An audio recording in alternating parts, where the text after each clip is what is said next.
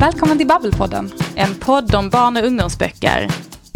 Med två författare, Emma Andersson och Charlotte Cederlund.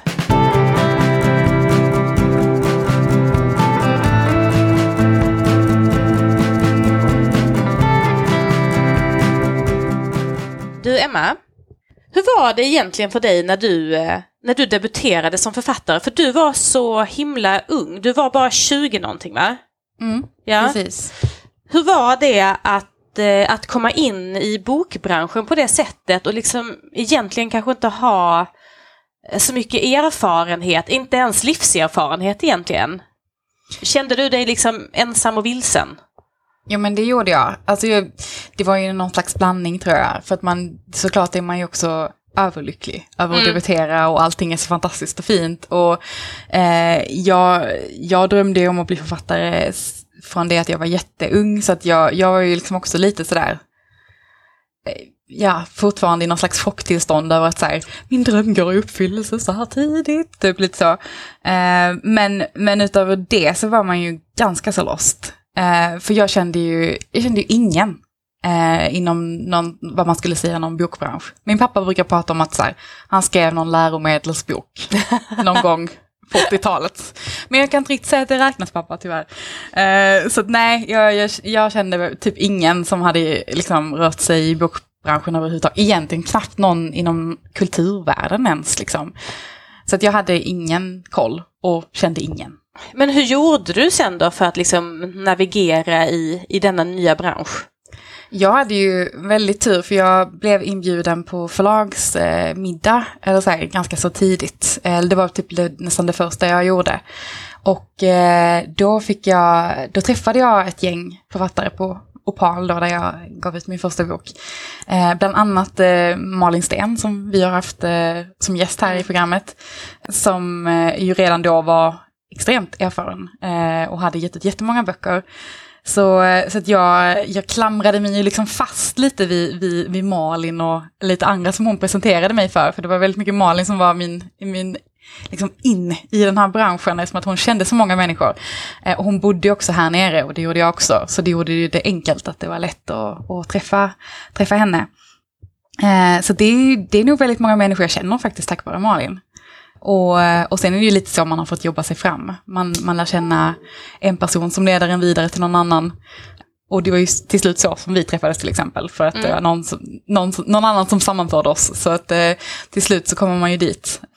Men, eh, ja, men lite så. Lite så har man fått jobba. Eh, ja, ett steg i taget. Och, eh, och jag känner att det, det kanske såklart att det är kul att ha ett kreativt utbyte, men jag skulle framför allt säga att det är väldigt viktigt i början att man har någon att fråga om det praktiska. Eh, alltså själva branschen, hur funkar det?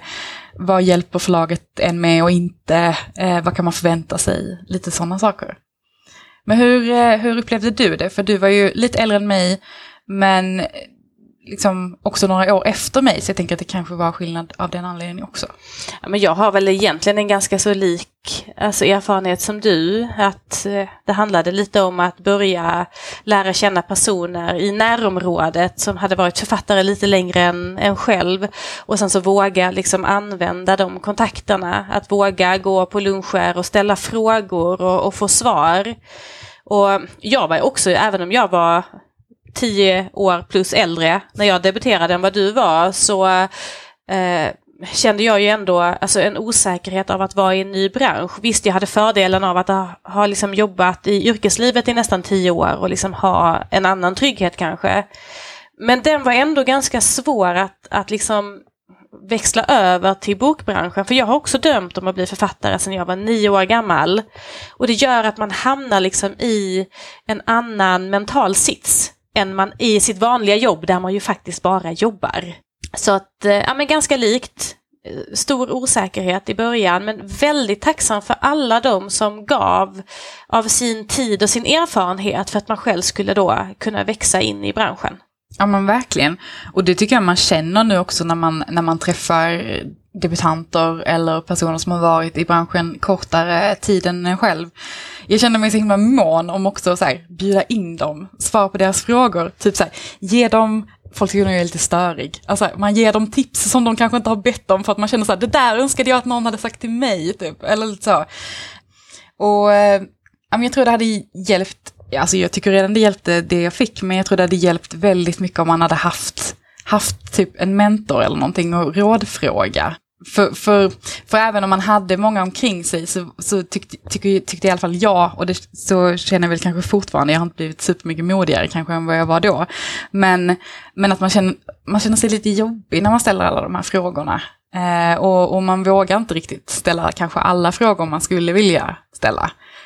För att man tänker att man borde ha koll. Ja men eller hur, och, och det är klart att det hade ju varit en otrolig fördel om man hade haft en person kanske som man visste var kanske lite dedikerat där för en. Nu löste vi ju det ändå genom att kanske sprida frågorna till många personer liksom och, och, och samla erfarenheter. Men om man hade en person som man visste att, att det är okej okay, att jag ställer liksom fråga på fråga på fråga på fråga och får stöd och, och liksom allt det här. Det är ju ganska basic kunskap man behöver i början. Så ja, en mentor, vilken lyx det hade varit. Verkligen. Men jag är väldigt fascinerad av det där, för det känns som att mentorskap är ja, men, lite vanligare liksom, om man säger businessvärlden. Ja, ja, liksom, men jag har både haft tänker, och varit mentor ja, ja, men precis, i, jag tänker ingenjör. Din, din bransch, liksom, där, där är det liksom ändå ganska vanligt att, att liksom man, man har ett mentorskap eller att liksom man får en mentor. Eller, eh, och att man också kanske så här, då ska föra sin kunskap vidare till någon annan. Liksom. Men jag undrar hur vanligt det är i kulturvärlden? Ja, faktiskt, det är ganska intressant ändå. Det hade varit eh, intressant att gräva lite mer i det om hur ett kulturellt mentorskap hade kunnat fungera. Ja, det känner jag också. Men vi har ju några som faktiskt är lite på, ja, men lite på besök i och med att det är, just nu så är det snart Littra Lund. Mm. Och då, det kunde vara lite kul att passa på att dra in ett gäng här när de ändå är här. Men det gör vi, det är klart vi ska passa mm. på. Ja, då gör vi det.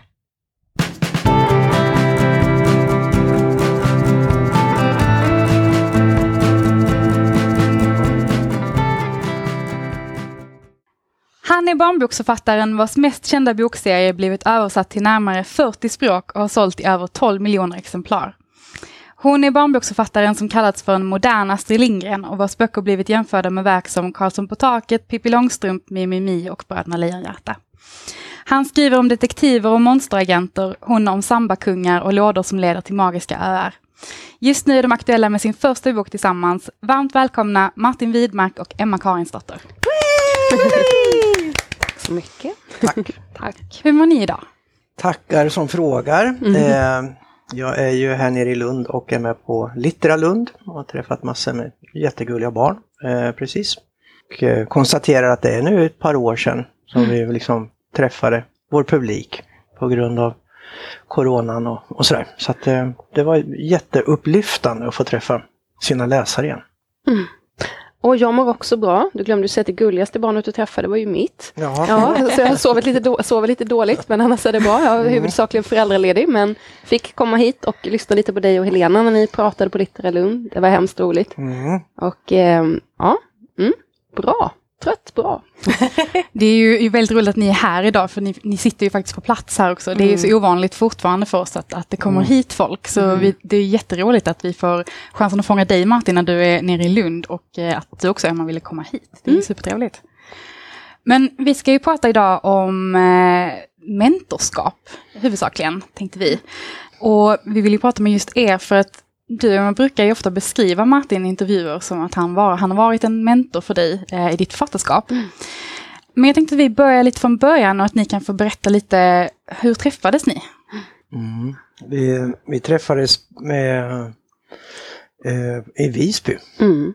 Där du eh, arrangerade, var med och arrangerade den här Crime Time Award, eh, Crime Time Gotland. Gotland, ja, en deckarfestival.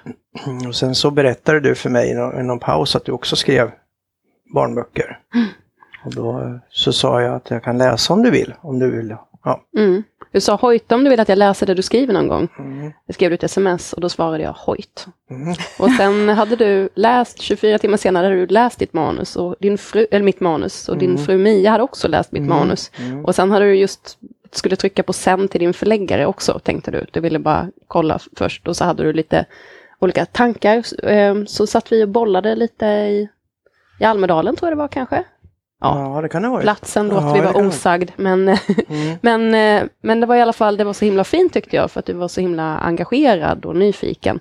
Grejen var att vi sågs ju på den här festivalen för att eh, jag via mitt jobb som projektledare hade uppdrag att, att scouta idéer för scen. Och jag ville så gärna göra teater av Lasse-Maja. Ja, så var det. Ja, och sen är du det. ganska nyfiken, det vet man när man träffat dig, att du Mm. är väldigt nyfiken. Så när jag hela tiden försökte väva in samtalet på den här, den här teatern så var du så här, jag hör att du var tjänstledig, vad är du tjänstledig Mm. från? eh, Ja, du pluggar skrivande. Och så var det som, ja den här teatern.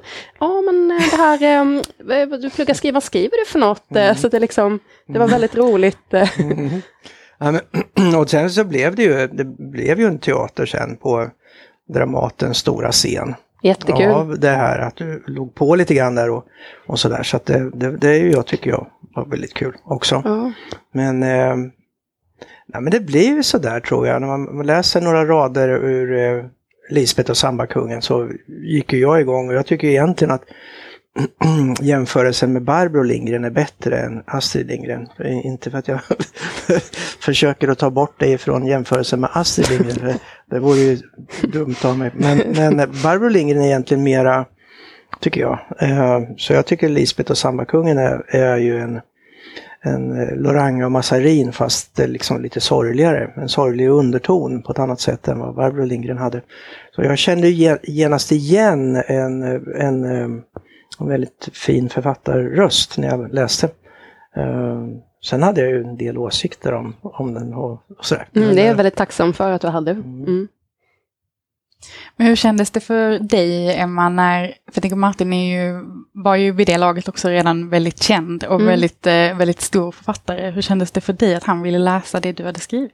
Det var jättekul. Eh, jag blev väldigt glad. Ehm, och sen också, det tycker jag en av dina mest utmärkande personlighetsdrag, eh, Martin, att du är så snäll. mm. Så att, eh, för nå- när någon är så snäll, då är det inte så läskigt att låta dem läsa. Eh, så du var väldigt snäll. Ja, nej men jag, jag tycker att det är kul. Ehm, och jag har ju någon form av grundinställning att vi har, alla människor har ett lika värde. Eh, oavsett vad man har liksom, ja, om man har skrivit hundra böcker eller inga böcker så, så är det lika spännande att titta på eh, ett manus. Eh, eller rättare sagt, det är mycket, mycket mer spännande att titta på en person som tänker debutera eh, än en som har skrivit hundra böcker. Så att, men Emma läser ju väldigt mycket av det som jag har skrivit också. Och det måste ju vara mycket tråkigare för att jag, Nej, jag tycker det är jag, jättekul. jag, för jag har ju liksom hållit på och, och gnuggat mina texter Mm. i 20 år. Så på så sätt så är det väl lite mera, eh, men, men jag använder ju Emma, det låter ju som att liksom jag hjälper Emma, men det gör jag ju. Men Emma hjälper ju mig lika mycket eh, i mitt skrivande. Eh, för att jag är ju 61 år gammal och man och vit och eh, medelklass och eh, utbildad och så. så jag, jag kör ju i diket ganska ofta med mina texter för att just på grund av att ja, jag är den jag är trots att jag försöker att vara öppen eh, i skallen och sådär. Så det blir ändå liksom felsteg man gör och då kan det vara bra att få en, en liksom någon som genus liksom glasögonen på sig och tittar på jag kommer ihåg en text jag skrev en gång, det, det var två stycken frierier i texten, en, en familjen Jansson-text. Och då sa du, varför är det bara killarna som friar? Det var ju jätteenkelt att bara byta så att liksom att det blev, en var det tjejen som friade, en var det killen som friade. Så, och sånt där liksom går per automatik i huvudet på mig. Att, men då vet jag att då kan jag skicka ett lemma. Du läser ju inte allt jag skriver, men du läser ganska mycket av det jag skriver. Jag måste ju hinna skriva lite själv också. Du skriver ju väldigt mycket. Ja, Men ja. det är jätte, hemskt roligt när du skickar, det gör mig glad. Mm. Och sen får jag tillbaka lite funderingar och lite rödmarkeringar i kanten. Eh, och sen får jag tänka ett varv till. Mm. Men när du, när du träffade Emma Martin, kände du, kände du direkt då att här, här har vi något lite speciellt? Eller är du alltid så här generös med, med folk som eh, planerar att debutera som du träffar på eh, när du är ute och... Ja, det, låter, det skulle vara livsfarligt att säga det. Eh, för det är ju det jobbigaste som finns att säga att man inte har tid. Mm. eller att man, för, för det är ju det det handlar om, att jag hinner liksom inte. Jag, jag läser ju dessutom väldigt långsamt. Så att när du säger att jag återvände efter ett dygn, då måste jag ha läst liksom du, du läst, Ja, det ja. gjorde du nog. Ja, men tur jag haffade dig i Visby ja. när du var på resa. Ja, men då hade, jag kanske, hade jag lite tid ja. på hotellrummet. Men eh, så, att, så är det ju inte att jag liksom hjälper eh, alla människor så. Och det, eh, hade inte blivit något bra. Men ibland så, när man träffar någon som man tror att man liksom kan lira ihop med, eh, då är det ju jättespännande. För Emma, Emma har ju en fantastisk förmåga att lyssna och lyssna och lyssna och lyssna och så lyssna och anteckna. Vad sa du nu? Vad sa du nu? Vänta, nu ska jag skriva ner, jag ska lyssna och lyssna. Och sen skiter hon i vad, mm. man har sagt. Vi har så, lyssnat. ja, jag har lyssnat i alla fall och jag hörde vad du sa och sådär mm. men jag gjorde ändå mitt egna val. Mm. Så det har ju aldrig hänt under våra alla timmar vi har jobbat att jag har känt igen en formulering som jag har föreslagit eller något sånt där. Utan det kommer ju ur Emmas mun. Det som hon sen har filtrerat eh, fram så att säga. Så att det, det, det, du är verkligen ödmjuk som lyssnare men sen så gör du ändå som du vill. Mm. Jag tänker att det är inte det den eh, bästa sortens samarbete kring en text, att man att man hjälper till att föda varandras idéer, inte att man ger idén utan att man bara ger det där första kornet som sen blir någonting. Mm. Så man ändå, man är jätteberoende av att få det här mm. kornet eller fröet. Mm. Men man behöver inte ha hela lösningen liksom. Mm. Ja, dels det och sen så dels det här man skriver sig fram i en text och sen så kör man fast någonstans och så ligger ofta lösningen ligger att man backar och liksom ändrar i planeringen istället för att försöka stånga sig framåt i, den, i det hörnet där man har skrivit in sig liksom, så kan man gå bakåt och det har vi har ju du hjälpt mig med många gånger och, och vice versa. Mm. Att man liksom ser att okej okay, den här spelbrickan som du la med på bordet, du kanske ska byta den till en sån. Och så plötsligt, oj hoppsan, dörren var inte där utan dörren var i den andra mm. väggen. Och så plötsligt löser man den liksom den situationen där man har skrivit in sig i ett hörn genom att man backar tillbaka och ändrar i planeringen. Och det tycker jag har hänt många, många gånger med dig och mig. När mm, det tycker jag också. Ja. Mm. Men alltså mentorskap skulle vi säga är ganska vanligt inom andra yrkesområden. Mm. Är det er uppfattning att det är vanligt även inom kultursfären eller har ni stött på det eh, hos andra förut? Ja, nu tittar Emma och Martin på varandra. Ja, det gör vi precis. Rynkande pannor och eh, vem ska, Martin kliar sig i skägget, Emma klappar lite på benet. Mm. Ja, nej. Bra fråga. Jag vet ju, jag har ju varit mycket i musik och teater, eh, eller det är därifrån jag kommer innan mest. Um, och då um, inom teatern vet jag många liksom. Um, faktiskt ganska många inom producentskrået tycker jag är roligt. Mm. Ett, sådär, det vet jag många som har hjälpt varandra och sådär.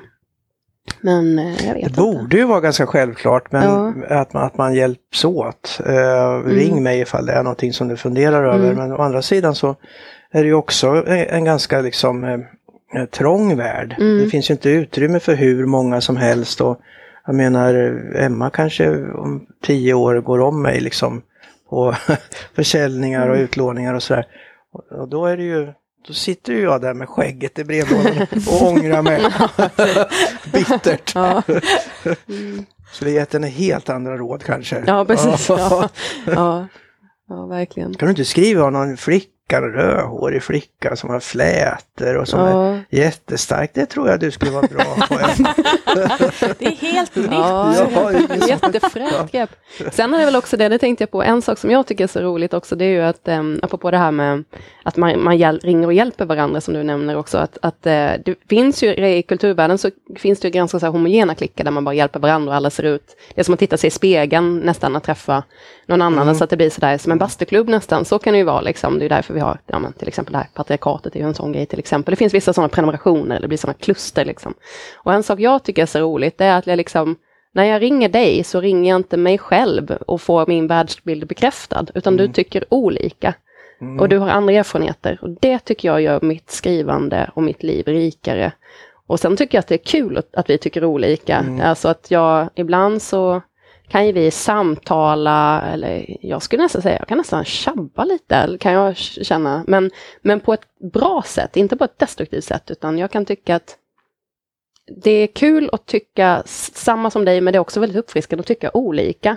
Att du tvingar nya liksom, små kopplingar i min hjärna som jag inte hade tänkt ha, som ibland inte passar mig. Jag vill bara få fortsätta. Jag vill helst att du bara ska säga, mm, precis så tänk du tänker, men att du, du kan Men komma med något egentligen annat. vill du inte det. Nej, egentligen det jag vill är det lite jobbigare. Alltså att eh, samtalet till dig är inte bara att jag vill få min världsbild bekräftad, utan jag vill bli utmanad. Men det kan ju vara till exempel en, en sån sak som hbtq-frågor eller genusfrågor. Eh, där jag tycker att nej, men nu lägger sig din agenda före texten. Mm. Alltså du vill mer, liksom, det här är en politisk eh, statement snarare än en gestaltning. Mm. Och då, där har vi pratat mycket om att liksom, det kanske är så att du ska hålla nere din, liksom, det går fram ändå. Eller det går fram ännu bättre. Mm. Om du inte, alltså den där klassiska pekpinnen som aldrig får synas. Nej. Eh, det är klart den finns där för du har ju åsikter, du har ju värderingar, det har jag med. Eh, men där har vi diskuterat många gånger faktiskt att liksom Ibland tycker jag att det har blivit för övertydligt. Och att det Ja. har liksom skuggat gestaltningen, skuggat äventyret. För att du, jag vet ju liksom vad du står för. Mm. Eh, och, och det har ju varit en sån diskussion där vi, där vi liksom har tyckt olika. Mm. Eh, Ja, men det är ett bra exempel, för jag tycker till exempel då att i, i vissa fall så, så är det ju som att, um, nej men om jag skriver havre, havremjölk, det får man inte säga nu för nu är det havredryck då eftersom det är någon fax tydligen. Ja, jag vet inte. Men, eh, du sa det! Ja, jag sa det, jag sa det. Nej, men jag brukar liksom, då skriver jag kanske havremjölk för att det är det det är. Vänta, nej, nu säger jag emot mig själv. Fanken, jag menar det så här. Eh, nej, men att ehm, ibland när man eh, ska, alltså att, att vara i ett innanförskap, jag vill ju vara, när jag skriver utifrån mina karaktärer, då är ju det normer i deras liv som jag beskriver, men det kanske är normbrott i någon annans liv. Och när de eh, beskriver någonting, alltså det är det jag menar att ibland, hur ska jag försöka formulera det här? Får jag skriva en lapp istället som höll på att säga? Ibland är det lätt att formulera i text. Men, eh, nej men det här att eh, jag du är vill, inne i ja, jag vill vara inne deras i, värld. ja, Där är det, där är saken någon som kanske inte någon, havremjölk. ja, kan, ja, Ja. ja, precis, och det är en självklarhet, det är ingen Ja, pekpinne, nej. utan det är bara standard. Skicka havremjölken säger sambakungen till Lisbeth. Ja, Och då är det utanför deras familj och utanför deras normvärld så är det någonting som bryter emot Ja, precis, då blir det familjen. Svenssons. Liksom. ja. Och då blir det pekpinne. Ja. Fast det är inte det för dem, utan det Nej. var en självklarhet. Ja. Och det är därför då le- ler jag ju mig alltid med mina karaktärer. Eh, och då vill inte jag beskriva det som ett utifrån perspektiv, eller vad man ska säga, Mm, ja, mjölken, för då blir det också osynligt. Eh, Mm, Så att det är väl där det kan bli en sån ibland. mm. Eh, Det är jättespännande och det låter ju väldigt kul för att det känns ju som att eh, det ni huvudsakligen gör är mycket utmana varandra. Eh, Mm. och jag tänker att det gör ju också skrivandet roligt och, och också till någonting nytt kanske för er båda två. Jag tror man syresätter varandra. mm, Eh, genom att man tvingar varandra in i små rum där man inte hade valt själv. nej. Och hamna och sen så hamnar man där och sen så blir man förtjust i att man liksom, ungefär som att man eller i alla fall, jag kan bara prata för mig själv, men jag är, jag är otroligt lat människa. Eh, Och sen så tvingar min fru ut mig på bio, så blir jag liksom, varje gång blir jag så jätteglad. Att liksom, åh vad kul det var. Jag blir nästan lite förvånad. Eh, Men egentligen så har jag bara min egen lathet och, och sk- skylla på att jag själv inte liksom tar initiativ och så. Men, men, och det, här- det är lite grann samma sak här. Mm. Att vi tvingar varandra in i områden som vi inte, det- ja det är lite grann utanför våra lathetszoner. Mm. Och det kan ju gälla liksom gestaltning, men det kan också gälla dramaturgi, att man Jag eh, håller mig ju gärna till någon form av liksom grunddramaturgi Mm. i mina böcker och du är ju lite mera sådär, gå, in, gå in i det där rummet och undersöka vad som händer liksom. Ja. Mm. Nej men det är rätt talande tycker jag. Som, du brukar rita upp dina böcker innan du ens börjar skriva dem. Mm, mm. Och jag måste först, jag, liksom är mer som, nu känner jag mig som en sån här alien som bara, jag ser min karaktär framför mig, jag hör rösten. Alltså det låter ju som en uppenbarelse men... Nej men det för låter är pretentiöst. Ja, ja, det, det, jag är jättefrätt. och- Gud, ja, ja. Nej men alltså för mig är det så liksom att det, det är som en röst eller någonting först och sen börjar jag skriva. Och sen kommer mitt plotteri liksom. Mm. Eh, sen kommer mina post-it, sen kommer, men jag måste först ha den där rösten och skriva en bit liksom. Men där, det är roligt, det är kul då med någon som tänker annorlunda. Eh, Mm. det, det är kul. Ja, det är det. Ja. Nästan jämt är det kul, ibland är det faktiskt också lite jobbigt. men mest är det kul. Men jag tycker det är roligt att höra om också för att jag tänker att som sagt du man brukar ju beskriva Martin som din mentor men jag tycker Mm. att ni, det känns som att utbytet är ganska ändå så jämlikt. Ja, men jag fattar Eh, inte riktigt mm. den liksom, ingressen. För att, för att eh, jag, eller jag förstår ju varför. Mm. Eh, men, men den stämmer väldigt dåligt på oss. Eh, skulle jag säga. Eh, Okej, vi är varandras mentorer. Mm. Då, då funkar det för mig. För att eh, annars så tror jag inte jag att jag hade tyckt att det var roligt om inte jag också hade lärt mig massor eh, under samarbetet. Mm. För att det, ja men det är spenatgumman och allt det här som vi har snackat oss fram till. Mm.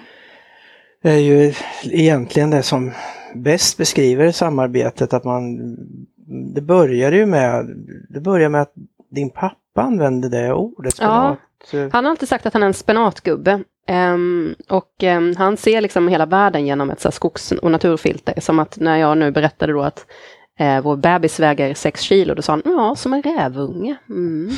Eh, så det är liksom hans, ingre- är liksom hans filter. Och då han brukar beskriva sig som en spenatgubbe. Och då började vi tänka så här, det är ett ganska roligt ord.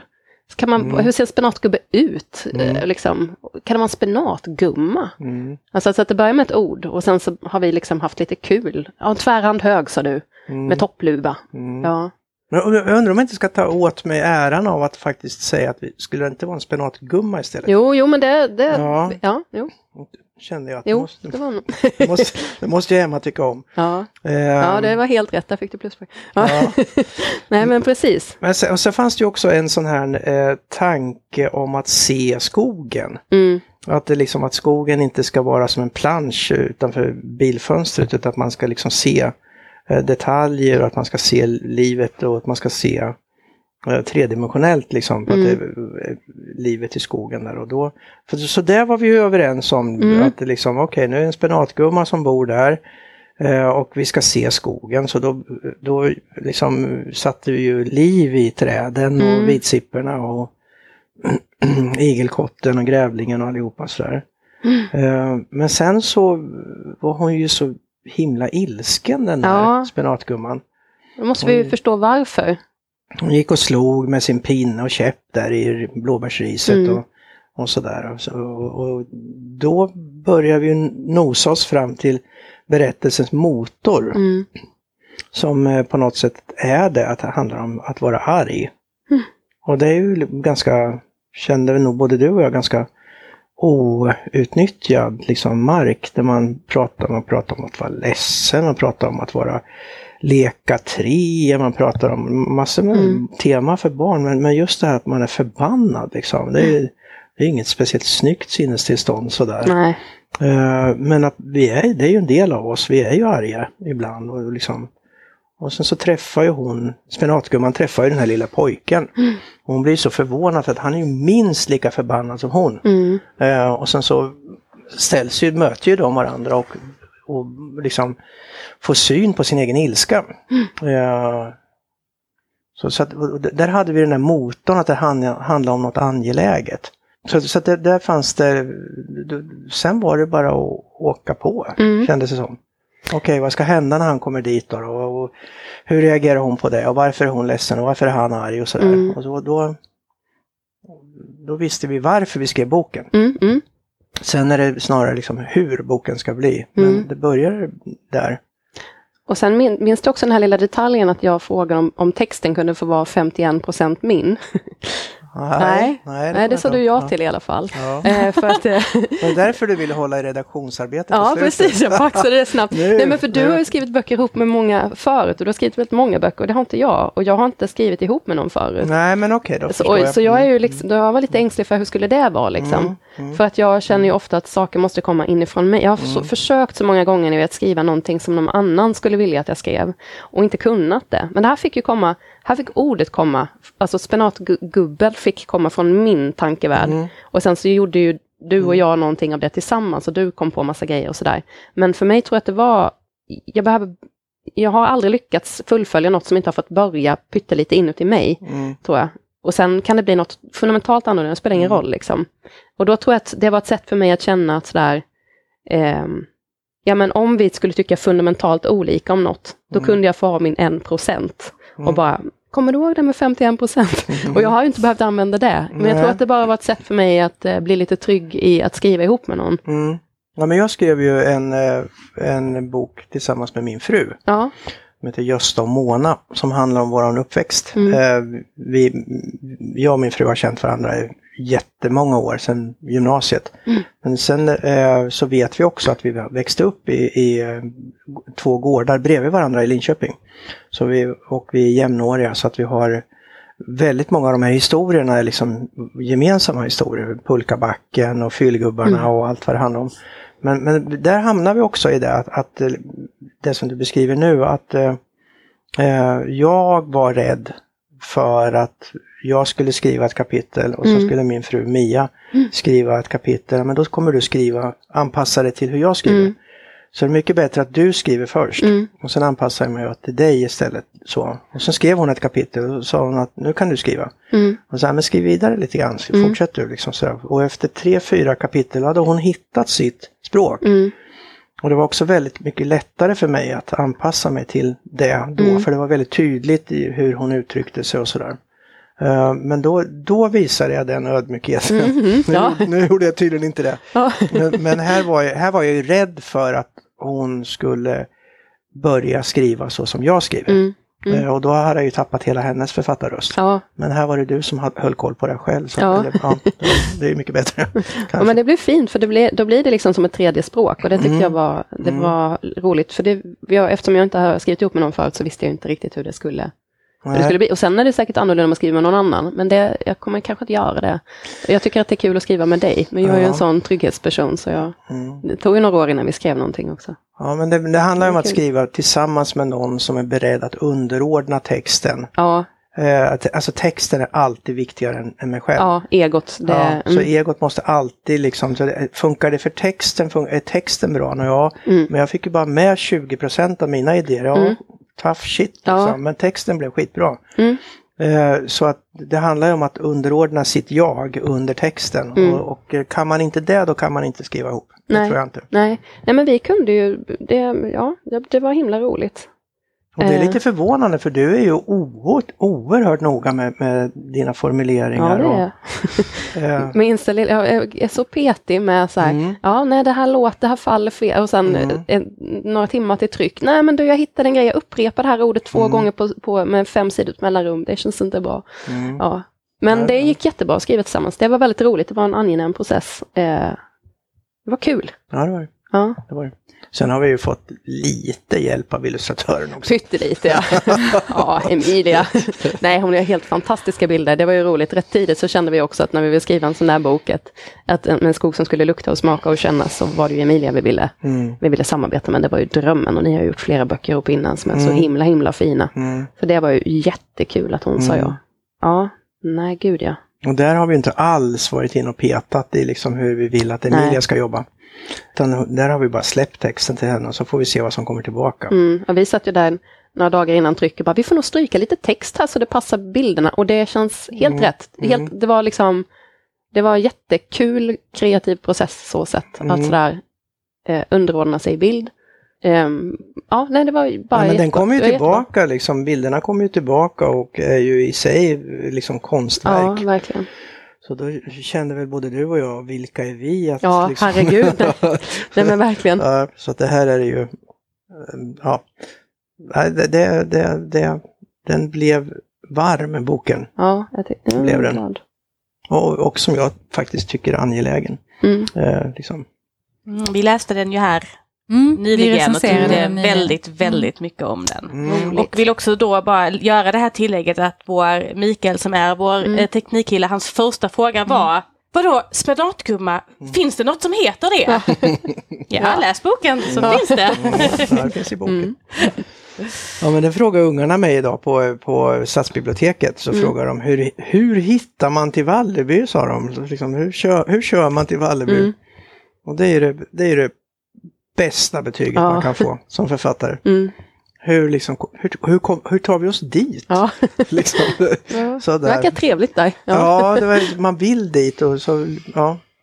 Vill gå på sån eh, sightseeing som så här, i Ystad, Wallander Ja. eh, sightseeing. Så, Mm. så det, det hade varit något eh, att åka på semester Mm. tänker jag. Och ja. sightsea i Wallen, Wallenby. Eh, men va, var, det, var det naturligt för er att gå vidare till att arbeta tillsammans? Jag tänker det, det känns nästan som att det var kanske dit det barkade hela tiden. Men det, Mm. var det, kändes det naturligt för er att liksom börja jobba tillsammans också? Eh, Att börja skriva. Ja, skriva en gemensam bok tänker jag. Ja, det tyckte jag bara var jättekul. Mm. Så det, det hade jag liksom verkligen bara positiva förtecken och vi har ju redan börjat fundera på. Ja, vi, har ju, vi vill just göra det igen. Det var väldigt roligt. ja, så gärna. Ja, Hörde ni hur jag la på lite skrivtryck på ja precis. I, ja. Hon ville inte prata om det. Det är ingen press. Nej, ingen press. Nej, men det, det, det, det vill jag göra. Mm. Mm. Men vad ser ni som skillnaden mellan att stötta varandra i separata projekt och att samarbeta? Hur har det... Ja, det, blir, det blir mer objektivt när man tittar eh, liksom på Emmas text som hon ska stå för själv. Mm. Ehm, och då, då kopplar jag bara på liksom dramaturgögonen och Mm. liksom känner, är det här för långt? Jag vet inte, det, det blir som att jag kliver ut, ja så är det enklast, men jag kliver utanför texten på ett annat sätt och ser den utifrån. När jag skriver med Emma, då då är jag ju i texten. Mm. Eh, så egentligen kanske vi skulle haft en tredje som hade tittat på den Mm. utifrån, liksom, när vi båda två är inne i den. Eh, men på så sätt är det ju en stor skillnad. Mm. Mm. Ehm, Så kan man ju föreslå enorma förändringar när någon Ja. annan ska göra det. ja, precis. ja, visst. Ja, ja, nej men jag håller med. Har det ändrat era arbetsprocesser att ha den här relationen? Känner du Martin till exempel att du har blivit, eh, att det har förändrat hur du jobbar sedan du träffade Emma? Ja, eh, det, så är det. Eh, för att jag, jag tänker eh, liksom, eh, mm, det är inte det enda exemplet, men, men, men Mm. genusglasögonen liksom, jag försöker ha dem på mig. Eh, och eh, ja, men det är ungefär som att man ser sina figurer filmatiserade eller går på bio eller på tv. Mm. Man blir påverkad av Mm. en annans tolkning av eh, eh, ens världar så att säga. Så att jag kan inte säga att jag inte har med mig de som spelar Lasse och Maja till exempel. Eh, de finns ju i bakhuvudet på mig, eller Nelly Mm. Rapp eller sådär. Så det blir, men, mycket av skrivandet handlar ju ehm, Balansen i skrivandet han, handlar om att ha en fot i fiktionen och en fot i verkligheten. För har du båda fötterna i verkligheten, då blir det liksom ointressant. Då kan du lika gärna göra en dokumentärfilm. Liksom. Mm. Men har du båda fötterna i fiktionen, då blir det också ointressant. För då liksom får, finns ingen angelägenhet, det finns det liksom ingen kopplingsmöjlighet för läsaren.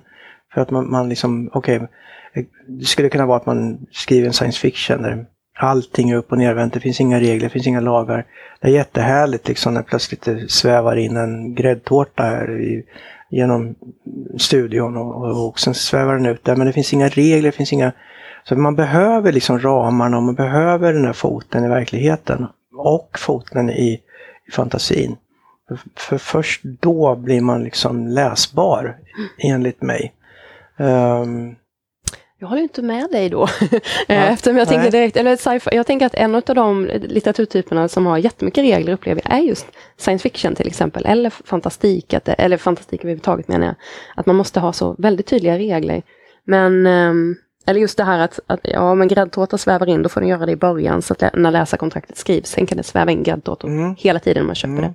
Men du kanske inte menar så, du kanske menar det snarare att relaterbart, var det det du menade? Nej, men jag menar att, att eh, i den världen som man bygger upp så Mm. måste det också finnas massor med regler. Ja, mm, Eh, som då hämtar sin energi och kraft ifrån den verkliga världen. mm, Eh, sen så kan det sväva gräddtårtor Mm. hur mycket som helst. Men, väldigt men, tårtsugen nu. ja, ja. Eh, men att, att, att det finns ett behov av att hålla sig till regler även om man bygger en jättefantasivärld. Mm. Och de reglerna kommer ofta ifrån den verkliga världen. Mm, Eh, sen kan du ju säga att eh, människorna i fantasins värld blir inte mätta förrän de får äta fem gräddtårtor. Mm. Och då köper man det. Mm. Bara du har sagt det, bara satt Mm. ner det liksom. Mm. För då jämför du med, okej jag kan bara äta en liten tårtbit själv.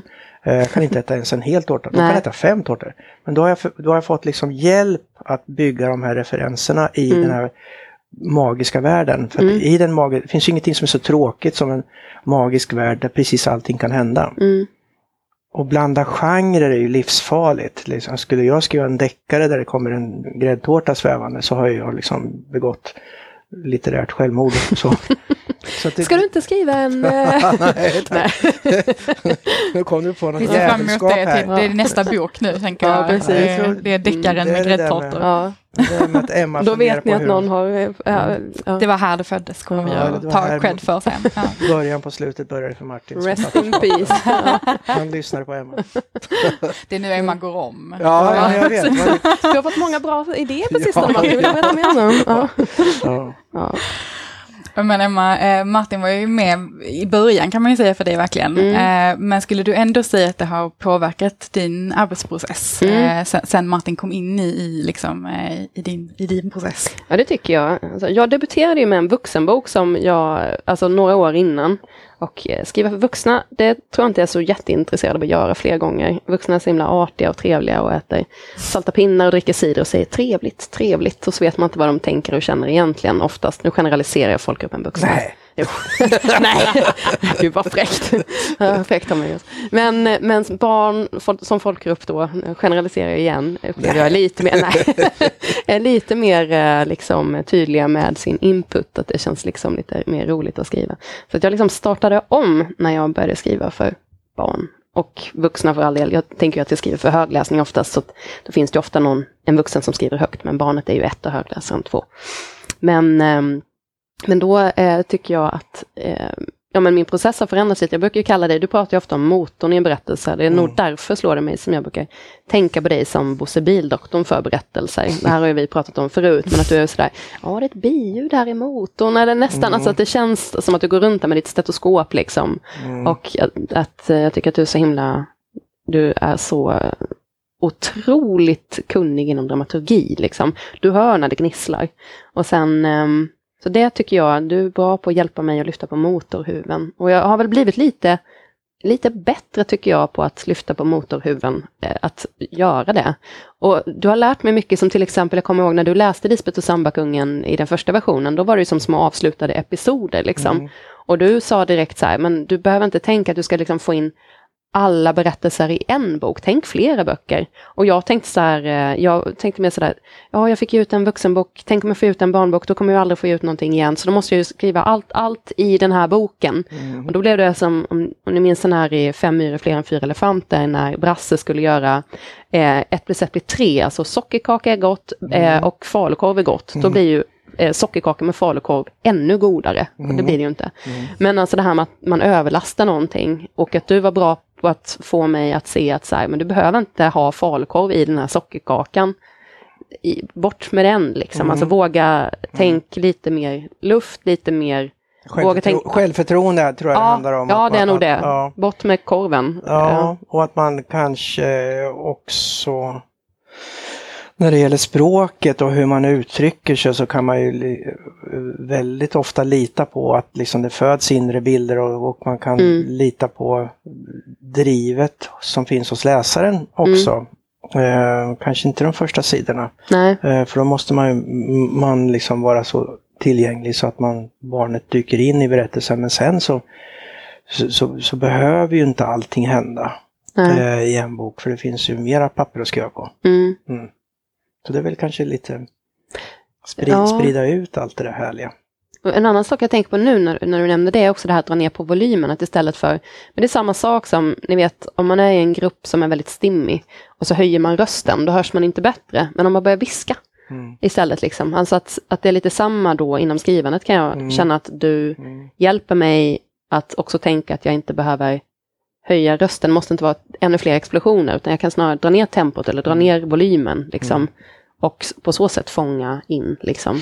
Det brukar jag säga nästan jämt när jag pratar med folk som ska skriva filmmanus på Mm. mina böcker. Så, så liksom, men dra inte upp tempot, dra ner tempot. Mm.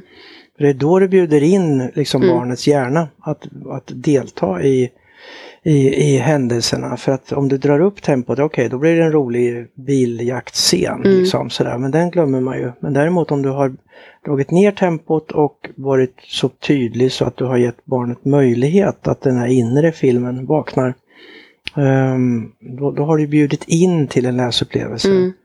Eh, snarare än en biofilm som bara spe, spelas framför dina ögon. Liksom. Ja. Så, så att, och det handlar om att, mo, mo, att vara modig och, och dra ner på tempot. Mm. Mm. Ehm, Ja, men bort med falukorven. ja, eller Ja. falukorven får komma i nästa bok. Ja. mm. Ja, men det, är, det är superroligt att höra om och det känns verkligen som att ni har en men, väldigt fin och ändå skulle jag vilja säga unik relation som, jag, som det känns väldigt roligt att ha fått sitta och lyssna till här. Mhm. Eh, tack så jättemycket Emma och Martin för att ni kom hit idag. Det har varit jätteroligt att eh, få prata med er, att höra er Mm. prata med varandra. Det känns också som ett stort privilegium att bara få sitta och lyssna på er. Verkligen. Eh, för ni, ni drar igång varandra och jag tror nästan ni svarade på de flesta av frågorna som jag tänkt ställa utan att jag ens behövde ställa dem. Eh, så, så verkligen underbart att få ha er här. Jätteroligt att ni ville komma hit. Tack så mycket för att vi fick komma hit. Tack så Mm, mycket. kul.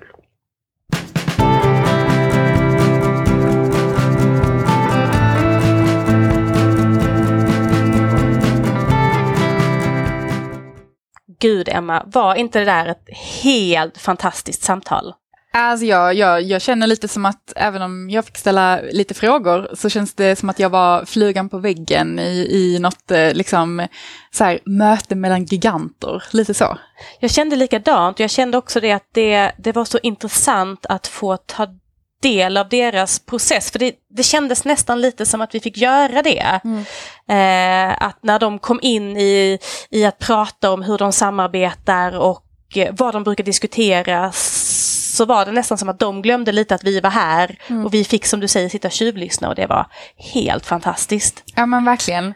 Och det, det var också så roligt för, för, för som sagt, vi, vi bjöd ju in dem mycket för att, för att, vi, ja, men för att vi känner Emma lite grann och, och just har hört om det här liksom mentorskapet som hon uttrycker det. Men, men det kändes ju som att det var så mycket mer än ett mentorskap. Det är ju mycket kreativt utbyte som de har hållit på med verkligen känns det som. Eh, Verkligen, och jag, jag blev verkligen inspirerad av det här som de båda lyfte, att, att det här vikten av att, av att ha ett samarbete med någon som inte är likadan som en själv. Alltså jag blev superinspirerad och känner nu direkt att jag har jättefint samarbete med, med många författare, bland annat med dig Emma. Men du och jag är ganska lika. Jag Ja. kanske skulle hitta någon annan som är mer olik. Eh, Ja, ja. tips, tips till er som lyssnar.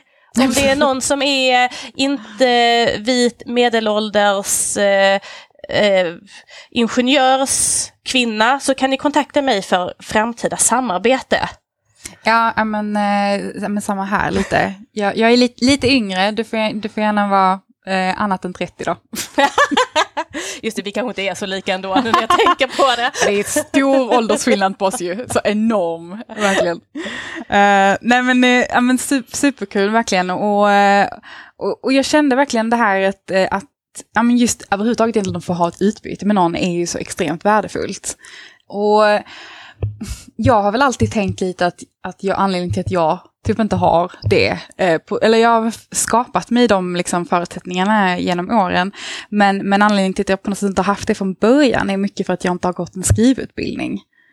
Mm, för där är ett ställe där man kan knyta den typen ja, av kontakter. Ja, men verkligen. Jag upplever att väldigt många av, av, av mina ja, författarvänner och, och, kollegor, att, att många, ja, men, har, har man en skrivgrupp så är det ofta en skrivgrupp som man har fått med sig från, från eh, en skrivutbildning man har gått eller en, en kurs eller någonting sånt. Det är ofta där man, man har med sig eh, eh de man vänder sig till för textsamtal. Eller det är min liksom, uppfattning, jag vet inte hur du, hur du har upplevt det.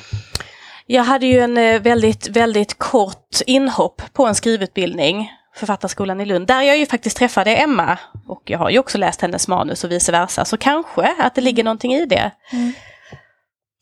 Ja, för jag tänker att det skulle vara lite, ja, men lite intressant att prata just om det och jag tänker att det är ju samma, samma också på, på, på en, en del, hel del skrivutbildningar i alla fall, att man, att man också kanske att det också kan vara en mix med det här att det, det finns både etablerade författare och, och eh, författare som inte har debuterat ännu och, och också att man, att man i sina lärare också kan, kan uppleva just det här kanske mentorskapet, att, att där är någon som har en erfarenhet eh, och som man kan ja, men få, få lära av och också kanske inspireras av.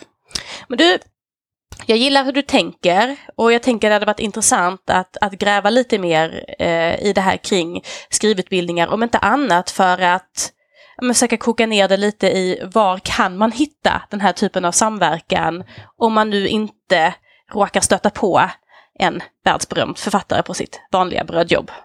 Exakt. Ska vi göra det? Det tycker jag.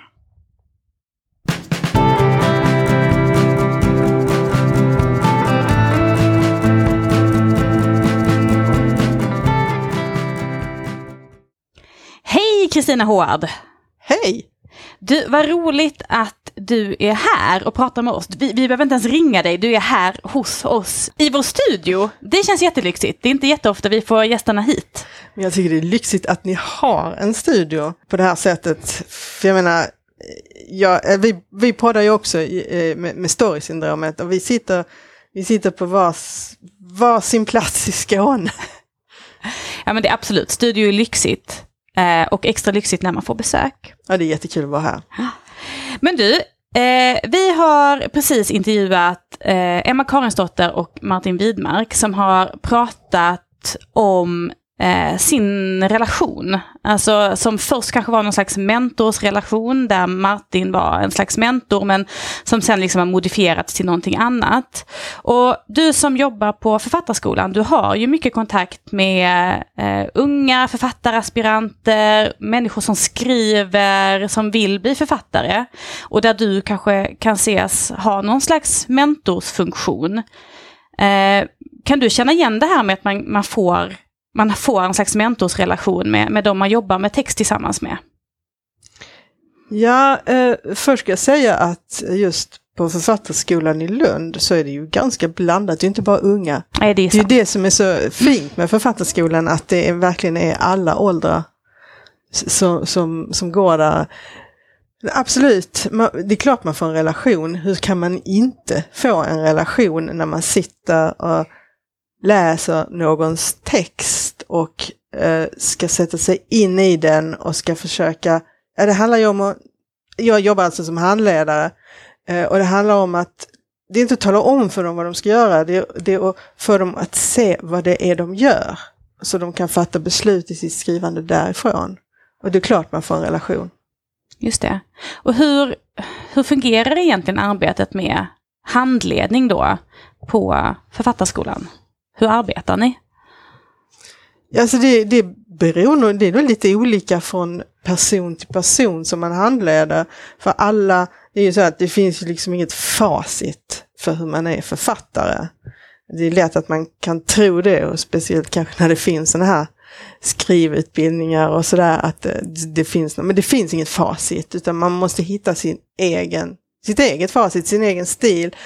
Och eh, då blir det ju att man som handledare försöker, hur ska jag säga, man försöker eh, pejla in på, på den som skriver, på vad de skriver, vad de vill, eh, på vilket sätt de arbetar. Och man kan ju man kan arbeta på så många olika sätt. Man kan skriva någonting från början till slut i kronologisk ordning. Man kanske har idéer som kommer slumpartat som man sen vill binda ihop till någonting större som ska få bli sammanhängande. Man kanske får, eh, att det helt tar stopp, att man får skrivkramp om vi ska kalla det, men att man, man känner man kommer inte vidare och, och då tycker jag att det som handledare handlar väldigt mycket om att försöka se lite bredare då och försöka för dem, så de också kan se vad det är de skriver, vad de är på väg och så vidare. För att liksom ge lite nya vinklar och nya idéer till den som skriver. Ja, så det är, det är väldigt olika beroende på vem man handleder.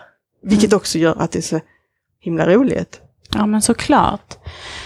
Vad, vad tror du att om man, om man går en skrivutbildning, egentligen vilken skrivutbildning som helst, tror du att den här biten med handledning och att kanske ha då någon slags mentor, är det en viktig del av utvecklingen man får på utbildningen?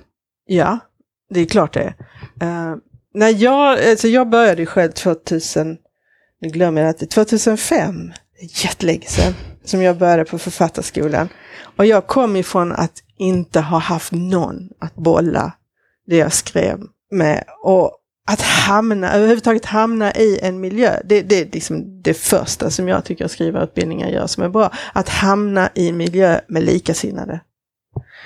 Uh, och det behöver inte betyda att man alltid sitter och diskuterar sina texter, men man, det är så mycket omkring att skriva, och skriva är egentligen ett väldigt ensamt arbete. Man sitter där med, med, med sina ord och sina meningar och sin historia. Och när man ska formulera det man skriver. Om, man, om, om någon frågar dig till exempel, vad är det du skriver på Charlotte? Och så ska du berätta det. Och då låter det alltid så töntigt, i alla fall tycker jag det. Alltså när man försöker förklara, jag skriver en berättelse och det låter så töntigt. Men när man hamnar i ett sånt här sammanhang där andra också skriver, då, då försvinner väldigt mycket av de här att det tar emot och, och, man kan prata om olika saker som allting relaterar till att skriva. Och där tycker jag skrivarutbildningar gör en jättestor grej som är bra. Och sen när man då har någon man kan vända sig till och man kan diskutera om det är en mentor eller man har en skrivargrupp eller ett sammanhang där man har chans att få sina texter lästa. För det är en annan sak som kanske inte är det allra enklaste när man skriver det, att få någon annan att läsa det. Och det funkar ju inte alltid om man bara frågar familjen. För de tycker för det mesta allting man gör är bra. Och då får man kanske inte den där utmaningen, det där mothugget som man kan få. Och jag tror att just det där att få skava sina idéer och sina meningar och det man skriver och orden och ens tankar och idéer och allting mot en annan person som är beredd att skava tillbaka. Då växer, då växer liksom skrivandet och berättelsen i det här mötet med antingen som en mentor, en skrivargrupp eller ett sammanhang där man får lov att visa upp det man skriver. Just det, ja nej, men jag håller helt med. Um, men jag tänker så här med, Eh, just den utbildningen är ju två år och, och menar, flera skrivutbildningar finns ju ändå där man kan gå liksom en längre tid. Skulle du säga att kan du, om vi tittar utifrån liksom själva handledararbetet eller handledarsamtalet, jag vet inte riktigt hur jag ska kalla det, men kan du se att det är någon skillnad på hur det fungerar när du har väldigt nya elever och när ni sen sitter på slutet av utbildningen när det har gått nästan två år? Är det någon skillnad på hur er samverkan ser ut? Jag tror att fördelen om man kan följa någon, någons arbete från första början och följa skrivprocessen en längre period gör att det är klart, man, det, då utvecklas ett helt annorlunda förhållande till både personen och till, till texten. Men, men det är i förhållande till texten som man får den här relationen till personen. Om jag ser de som jag har haft som studenter och som jag handlett så, så är de ju så väl, liksom, de har ju, de, de och texten blir liksom synonymt för att jag har ju lärt känna dem genom deras kreativa skrivande. Men också att man då lär känna hur de funkar och sånt och det tar tid. Det är inte sådär enkelt. Och det, det, det, för det första så, just att etablera det där att man, man får förtroende för varandra. För det handlar ju om ett ömsesidigt förhållande. Det, kan ju ta lite tid och då är det skönt om det kan få lov att göra det. Eh, och sen så finns jag kan säga så här, jag upplever det så här att när man, när man har någon man hjälper som skriver eller handleder, men är mentor för, så är det som det finns i olika stadier. Det är den här första stadien när det kanske är väldigt mycket osäkerhet. Man kanske inte vet vad man vill skriva. Man kanske, eller man vet vad man vill skriva men man vet inte hur man ska skriva det. Eller man tror man vet hur man ska skriva det. Och sen helt plötsligt får man för sig, men jag ska inte skriva det så. Alltså det finns väldigt mycket, det går fram och tillbaka precis i början och så gör det ju när man skriver, det vet man ju själv när man skriver någonting. Jag menar jag håller på med någonting nu där jag har skrivit om det i tempus och första person och tredje person några gånger. Så, så, så, det är ju hela den här processen finns ju även då när man har en, ett mentorskap. Och, och sen så när de hittar sin röst, så, så det kommer den här, när de hittar sin rösten och sen går vidare därifrån. Och sen när man har fått när de har fått ihop så mycket text, och det gäller ju själv när man också skriver, att man, man har, man har liksom så mycket text att man kan se tillbaka på sin berättelse och då börjar man tänka på den annorlunda. Och då kanske man gör andra val och det kanske sker omskrivningar. Och, och slutet kanske blir tydligare, man vet att ah, jag, jag kommer att nå fram till målet.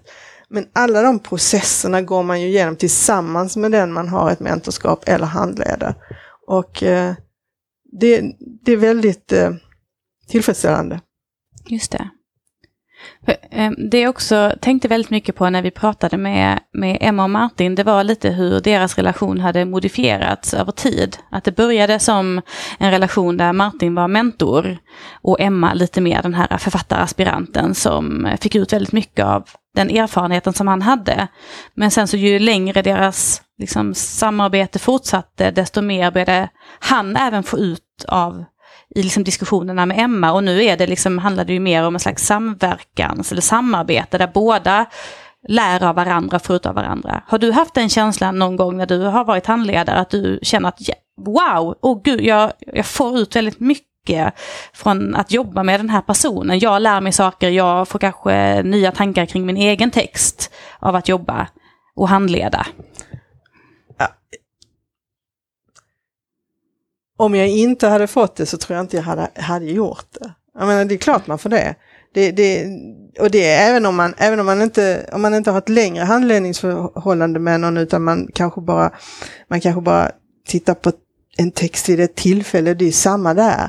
Det är ett sätt att utveckla sitt eget skrivande och sina egna tankar kring skrivandet och det är det som driver en också när man har, jobbar med det här för att det gör det roligt och det gör att man man ser, ja, man ser, man ser också sitt, sitt eget um, konstnärskap när det gäller skrivande ur ett annat ljus. Det är klart man får tillbaka.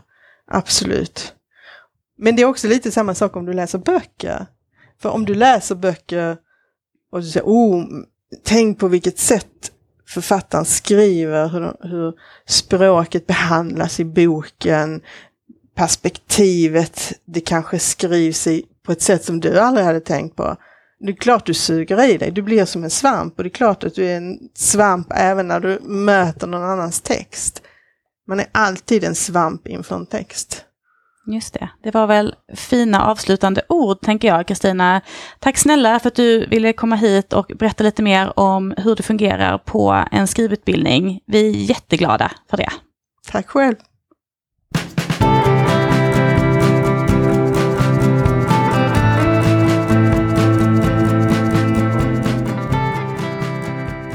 Nu blir det boktips!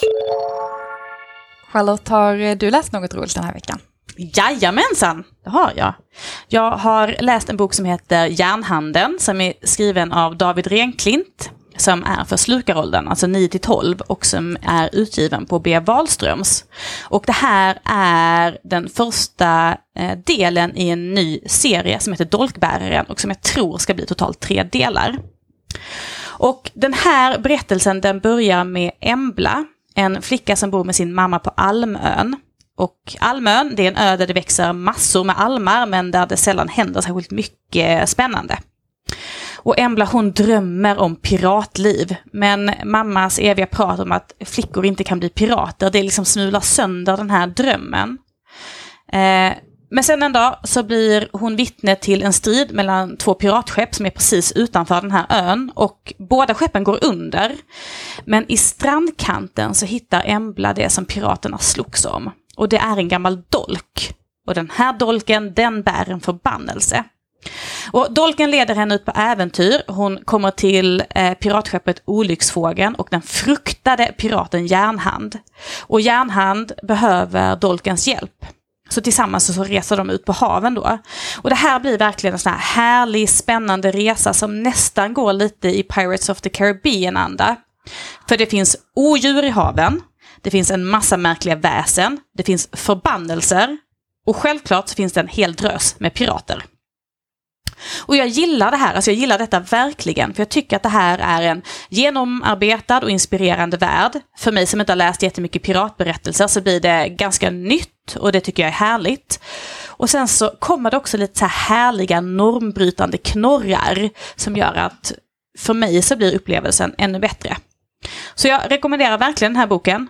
Eh, jag tycker den är kanon och jag ser verkligen fram emot att bok nummer två kommer. Gud vad roligt. Jag var ju ett eh, extremt stort Pirates of the Caribbean-fan när de kom. Så att eh, jag känner att det här är en bok som jag har väntat på säkert sedan 2003 eller någonting när första Pirates of the Caribbean-filmen kom säkert. Vad underbart. Gud vad härligt. Du ska definitivt läsa den. Men har du läst någonting bra nu? Ja, men det har jag. Jag har också läst första boken i en eh, ny serie för också slukaråldern 9 12. Eh, det här är en bok från Natur och kultur eh, och det är en serie där liksom varje bok kommer att vara en fristående del eh, som skildrar flickor i historiska brytningspunkter, står det fint på förlagets hemsida. Mm. Eh, och den här serien heter Stormens döttrar och är skriven av eh, Ulrika Tjärnborg som, som jag förstår det, har skrivit mycket innan men aldrig har skrivit eh, för barn och unga. Så det här är liksom hennes barnboksdebut. Eh, och den här första boken då som jag har läst heter Nattflygare. Och den handlar om Kristin som bor med sin mamma i Älvdalen. Och Kristins mamma hjälper till att bota traktens sjuka och hon kan även spå folk och kan ett och annat sådär tricks eh, som är till stor hjälp för människorna i bygden. Och Kristin har även insett att hennes mamma verkar som att hon kan flyga. Och eh, mamman har då berättat också för henne att troligtvis så har Kristin ärvt de här förmågorna och det ska hon, eh, när de uppenbarar sig så ska hon vara lite försiktig med vem hon pratar med om det här. Men Kristins mamma har också en släkting eh, som bor, eh, ja, eh, några byar bort, eh, som det har gått lite illa för. Hans fru har dött och det har gått dåligt med skörden och det, ja, mycket har skitit sig helt enkelt. Så för att underlätta för honom så har hon erbjudit sig att ta hand om hans dotter Anna. Eh, och Kristin är överlycklig över att hon ska äntligen få en syster och dela liksom, tillvaron med. Men allting blir ju inte riktigt som någon av dem har tänkt sig. För att Anna är en ganska så bitter liten flicka som har varit med om väldigt mycket hemska saker eh, under sitt liv redan. Och detta har satt igång väldigt mycket märkliga historier i hennes huvud som hon inte tänker så jättemycket på vem hon berättar det för. Och det här sätter igång en ryktesspridning som eh, blir väldigt farlig för Kristin, hennes mamma, men också alla bygdens kvinnor egentligen. Och eh, jag skulle säga att det här var en väldigt spännande och också otäck berättelse på ett sätt. Eh, och redan från första sidan så förstår man att något kommer gå väldigt snett för Kristin och hennes mamma. Och att då Anna har någonting med det här att göra. Och man kan liksom inte sluta läsa förrän man förstår hur det hänger ihop. Och då måste man ju veta hur det ska sluta. Eh, och jag tyckte väldigt mycket om Kristin som huvudperson. Hon var väldigt sympatisk och väldigt lätt att tycka om.